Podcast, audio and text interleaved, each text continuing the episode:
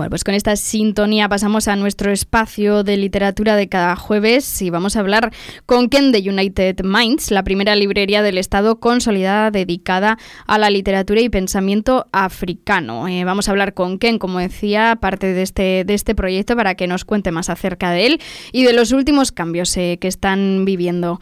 Hola Ken, ¿qué tal? Hola, hola, ¿qué tal? Buenas, Ken. Eh, en primer lugar, eh, para quien no, no, os conozca, Ken, ¿cómo surge United Minds? ¿Quiénes sois?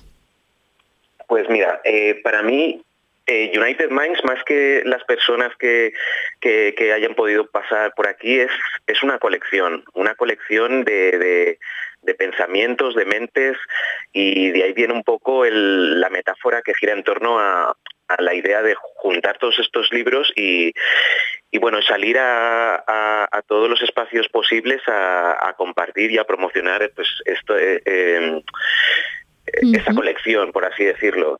también lo veo como un poco como un sound system como jamaicano, pero que, lo que va poniendo en su, en su, en su equipo son, son títulos que muchas veces están solos o, un poco solitarios en, en, algunas librerías, vamos. Yo, son, e, era juntar y poner en contexto un montón de, libros que, con los que yo he crecido que no, que no encontraba.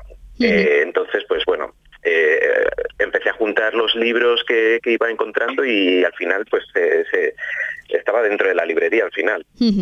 Como decías, ¿no? En muchas librerías no tenemos igual una, una sección concreta de, pensamiento africano. Exacto. Eh, para mí, pues mira, yo tenía siempre mucha curiosidad y lo hacía con la música, que iba buscando, buscando sobre todo libros y bueno, la mayoría de los libros que yo tenía eh, estaban en inglés. Eh, mi familia es haitiana, eh, parte de mi familia es haitiana, parte de mi familia es española, y lo que yo encontraba en Estados Unidos mm, no lo encontraba aquí en España, por lo menos así a simple vista. Así que pues empecé a buscar todo lo que había traducido al castellano que, giraba en torno al mundo africano. Claro, surge desde esa necesidad, desde esa falta.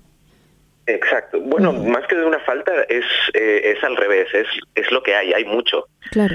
Yo creo que, que, una de las de eh, algo que siempre intento recalcar es que eh, yo abordo esta esta parte como no es que no haya, es que hay mucho. Entonces ese mucho es lo que lo que intento compartir sobre todo. Crear esa esa colección de pensamientos que están, ¿no? Como como decías. Exacto. Eh, ¿Cuál es el porqué? Igual ya nos hemos ido acercando a esta pregunta, pero ¿cuál es el porqué de este tipo de, colección específica de libros y, el porqué también del proyecto? Eh, pues el porqué. Yo diría que el, porqué... Mm, como es un, lo, voy, a poner así, para, eh, para mí tiene una parte espiritual muy, muy importante. Eh, y, por lo menos en la parte que, pues como que, es parte de mi responsabilidad, mm, era una curiosidad que no podía mm, parar de, buscar y, y sobre todo veía lo que hacía para, eh, en mí. Eh, me daba mucho, mm, como, diría, me sanaba por una parte, me llenaba de fuerza y me preparaba para, este mundo. Entonces era como una necesidad de compartir esto a toda costa eh, y saber que esto iba a, ser como la gasolina para mucha gente creativa, mucha gente artista que tuviera un lugar donde poder encontrar esas, ese combustible para sus creaciones. La importancia ¿no? de, recubrirse y de ir bebiendo de otros pensamientos eh, para, para, entender el tuyo propio, ¿no? Al fin y al cabo. Totalmente. y me gustaría preguntarte, Ken, ¿a qué le llamamos exactamente pensamiento africano? ¿Tiene implícito eh, directamente este concepto, pensamiento africano, una perspectiva de colonial? Eh, bueno, yo creo que me remonto antes de, la colonialidad. Mm, sí que parte de, este pensamiento africano podía estar presente en todo el tema de lucha, pero lo que yo voy buscando y lo que voy recopilando eh, justamente es, previo a, la colonización, porque al final parece que la, colonización es la historia africana y, para nada, la colonización es historia de Europa y eh, está ahí todo lo que pues todo lo que se ha hecho y a consecuencia de, todo esto pues surge un pensamiento de lucha y, va, va, conectándose con otros muchos pensamientos de lucha eh, respecto a la opresión, sobre todo. Sí que tiene centralidad, ¿no? Por tanto, esa opresión dentro de, toda la literatura de pensamiento africano. Eh, bueno, yo cuando, cuando me voy a buscar el pensamiento africano acabo en la filosofía y la cosmogonía africana, un poco la forma de ver el mundo, los ritmos, la espiritualidad, em, cómo se conforman las sociedades, cómo se afrontan los problemas del día a día. Y bueno, yo creo que es, este, este, mismo pensamiento tradicional o ancestral es lo que ha llevado a, reformular muchas, muchas luchas eh, a partir de, esta, de esta parte. Entonces, pues eh, una vez empiezas por ahí, pues llegas a, eh, a, la filosofía o, a un pensamiento antirracista o a un pensamiento feminista o a un pensamiento que busca cómo coger estas luchas y meterlas en, formato de literatura o, en formato de poesía. Hay, hay, un montón de, ramificaciones dentro de, este árbol. Y, Ken, ¿cómo, ¿cómo habéis visto un poco vuestra acogida eh, de United Minds, de este, de este proyecto, un poco a lo largo del tiempo? Bueno, mm, mm, creo que era necesario y, creo que ha sido algo súper enriquecedor y bueno, eh, tiene un valor mm, como para mí es como tiene tiene un, valor tan tan potente lo que para lo que ha significado a la gente que es eh, pues que, es un proyecto que no, no puede no puede irse y, creo que los cambios que, ahora tenemos, que, es el de cerrar la, librería física, sobre todo porque eh, el peso de, la librería física caía sobre mí. Y, bueno, yo ahora estoy como en un proceso de de que tengo otras otras cosas que, quiero hacer, como un, es como un siguiente capítulo a toda esta parte literaria y, sobre todo pienso que, lo, importante está ya, está ahí, está en la web, que es toda una colección eh, que, que, es tan diversa que según lo que vibre en tu frecuencia vas a encontrar uno y otro libro y otro libro. Y luego eh, pues para ahora mismo ya hay como 1.400 títulos y, bueno, supongo que, en, estos años veremos si se traducen más cosas, si la gente que ahora mismo está activa eh, crean también sus, sus propias obras. Ahí, ahí hay un, no sé, como un horizonte lleno de posibilidades. Eh, como, como decías, ¿no? Dejáis de ser librería física eh, asentada en Valencia, pasáis a ser eh, librería online. ¿Cómo estáis? ¿Estáis un poco asustadas, ¿no? Con ese cambio, con ganas. Mm, la, librería siempre, bueno, ha tenido la parte online y, como ya te digo que, parece que United Minds es mucho más grande de lo que parece eh, es una librería en un barrio eh, pequeñito de aquí de Valencia. Em, una de las razones por las que se puede hacer esto es porque em, mis abuelos, por ejemplo, tenían el local donde yo estoy ahora eh, durante años y años. Entonces, esto era una de las mil ideas que, yo tenía cuando llegué a Valencia. Entonces, en este camino me encuentro a Débora y, y bueno, ella me ayuda en un montón de, cosas que se, eh, pues que, se necesitaban en el momento. Y también quería crear un nicho para que toda la gente que, colaborara eh, tuviera los argumentos o, un espacio donde, donde poder llevar a cabo pues muchas ideas ya en torno a las charlas, en torno a, colectivos y demás.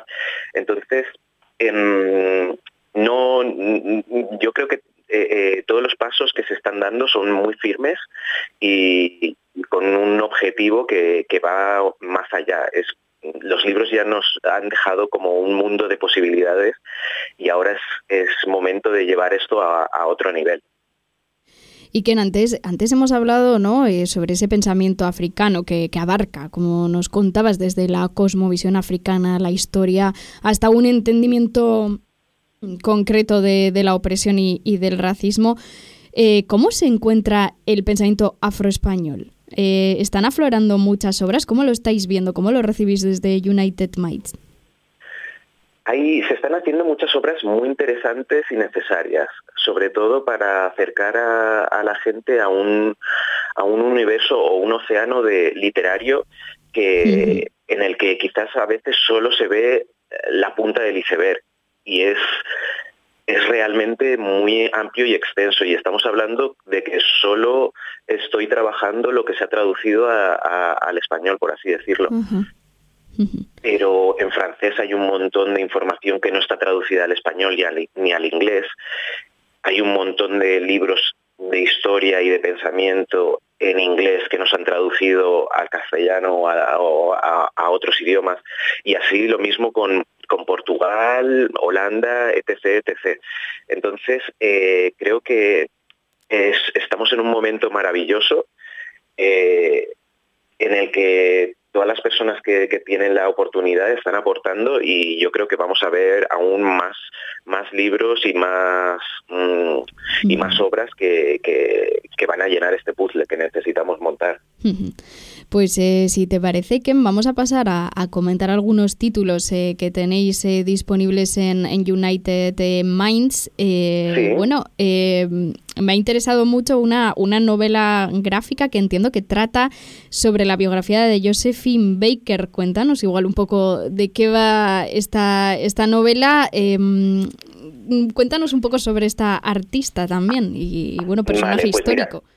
Esta, novela eh, es una de las más, es una novela gráfica eh, bastante eh, como extensa y bueno, como, como tú has dicho, trata, es una, biografía de, Josephine Baker y todo lo que se respiraba en, la época en la, que, en la que ella estaba. Hablamos de 1920, eh, que hay un renacimiento cultural en Harlem y se convierte como en una capital afro del mundo, donde puedes encontrar a a gente del continente africano, a, gente de, de Aviala, a gente del Caribe, a los propios negros americanos que habían migrado desde el sur, a los que habían estado ahí. Entonces eh, se crea como una ciudad dentro de una ciudad.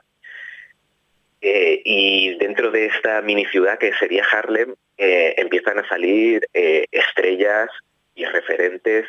Y uno de estos referentes es Josephine Baker, que sale de, estos clubs de jazz de, que, bueno, que, contagiaron con su música y energía todo el mundo.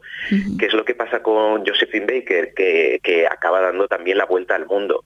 Eh, como, como alguien que bueno eh, adquiere un estatus, eh, se convierte en referencia, pero lo, lo interesante aquí es que siempre donde hay un pico, una persona que destaca, hay que recordar que no es la única persona y que ha sido inspirada por otras personas que han hecho esto que quizás no hayan sido reconocidas.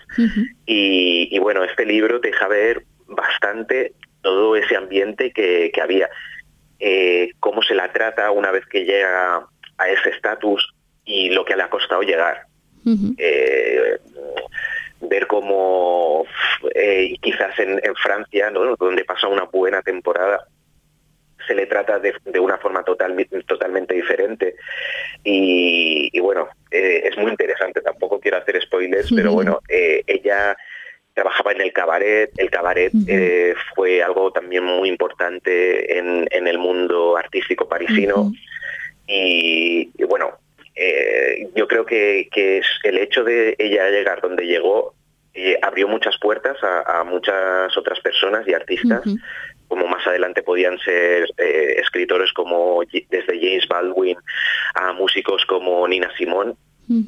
Entonces, eh, ver que, que, todas estas personas van abriendo puertas para las siguientes generaciones. Otro, otro libro que, estamos viendo también eh, biográfico es el de bueno, pues la luchadora Harriet Tubman, el libro Freedom, Harriet Tubman y la red de liberación de esclavos, esta vez anterior ¿no? a Josephine Baker. Sí, así es.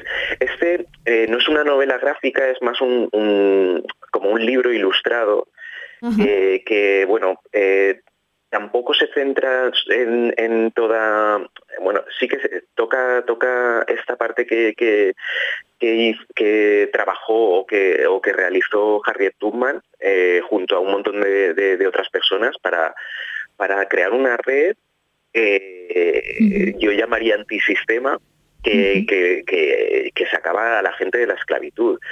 Y como bien decía ella, que podía haber liberado a muchos más si supieran que eran esclavos. O sea, había un, una tortura mental y un secuestro mental que, que, dejaba a mucha gente con un miedo terrible a incluso escapar de la propia esclavitud.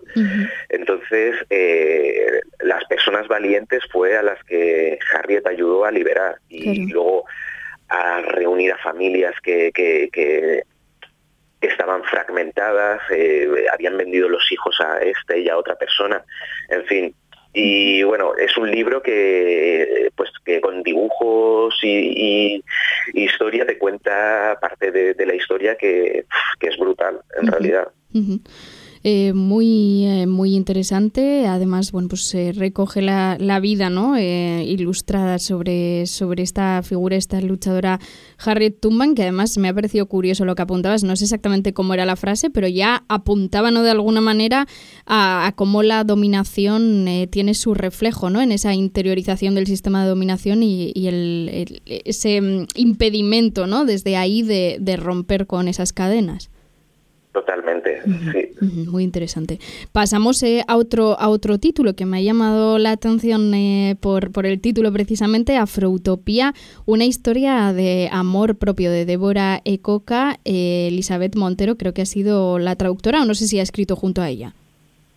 Eh, el, de Débora Coca es, eh, eh, quien estaba en, el proyecto también. Yo creo que ella ella podría hablar mejor del libro. lo hizo con las ilustraciones de, La Flor del Tamarindo, que están en, periferias cimarronas. Entonces, es como, este es un, un, producto propio, por así decirlo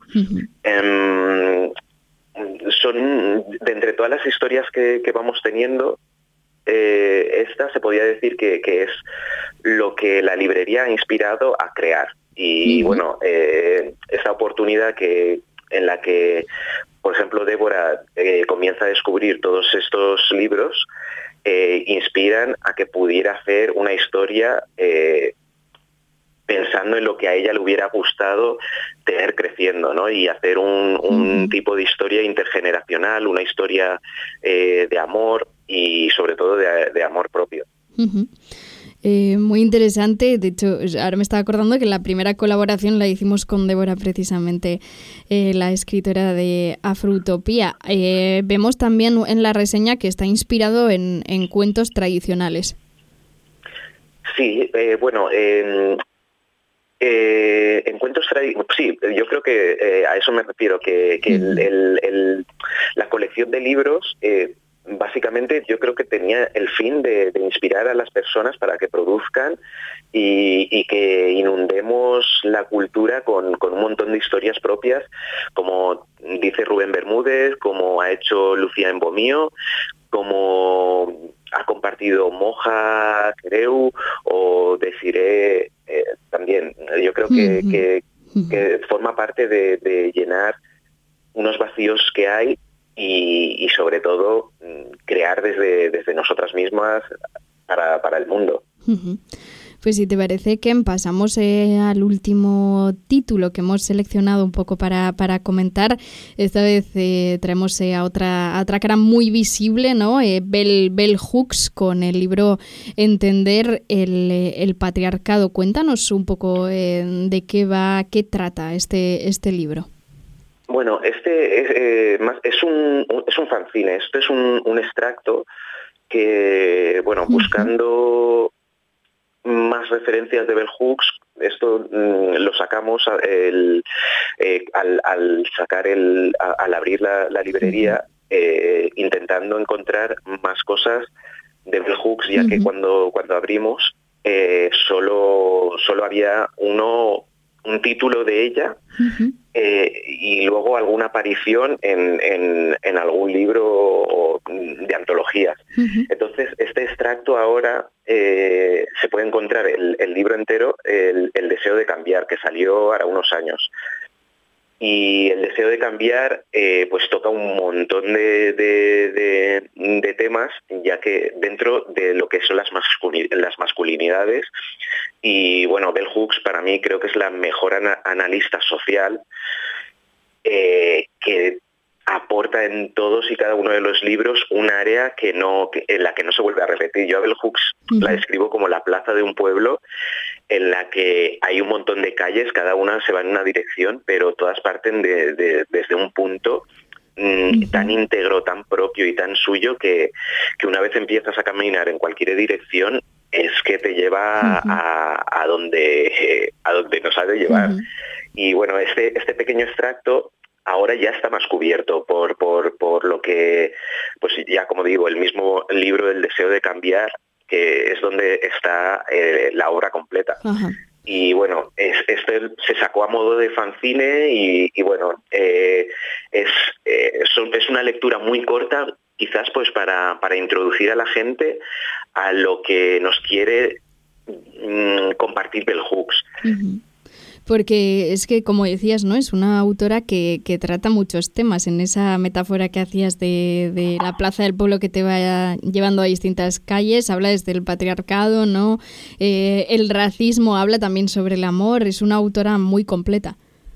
Sí, sí, sí, sí, totalmente. Pues eh, Ken, eh, muchísimas gracias eh, por estar aquí con nosotras hoy, por hablarnos un poco del proyecto United Minds, por comentar estos títulos y esperamos, bueno, pues próximamente poder hacer otra otra colaboración de, de carácter así puntual con vosotros. Muchísimas gracias. A vosotras. Un abrazo muy fuerte.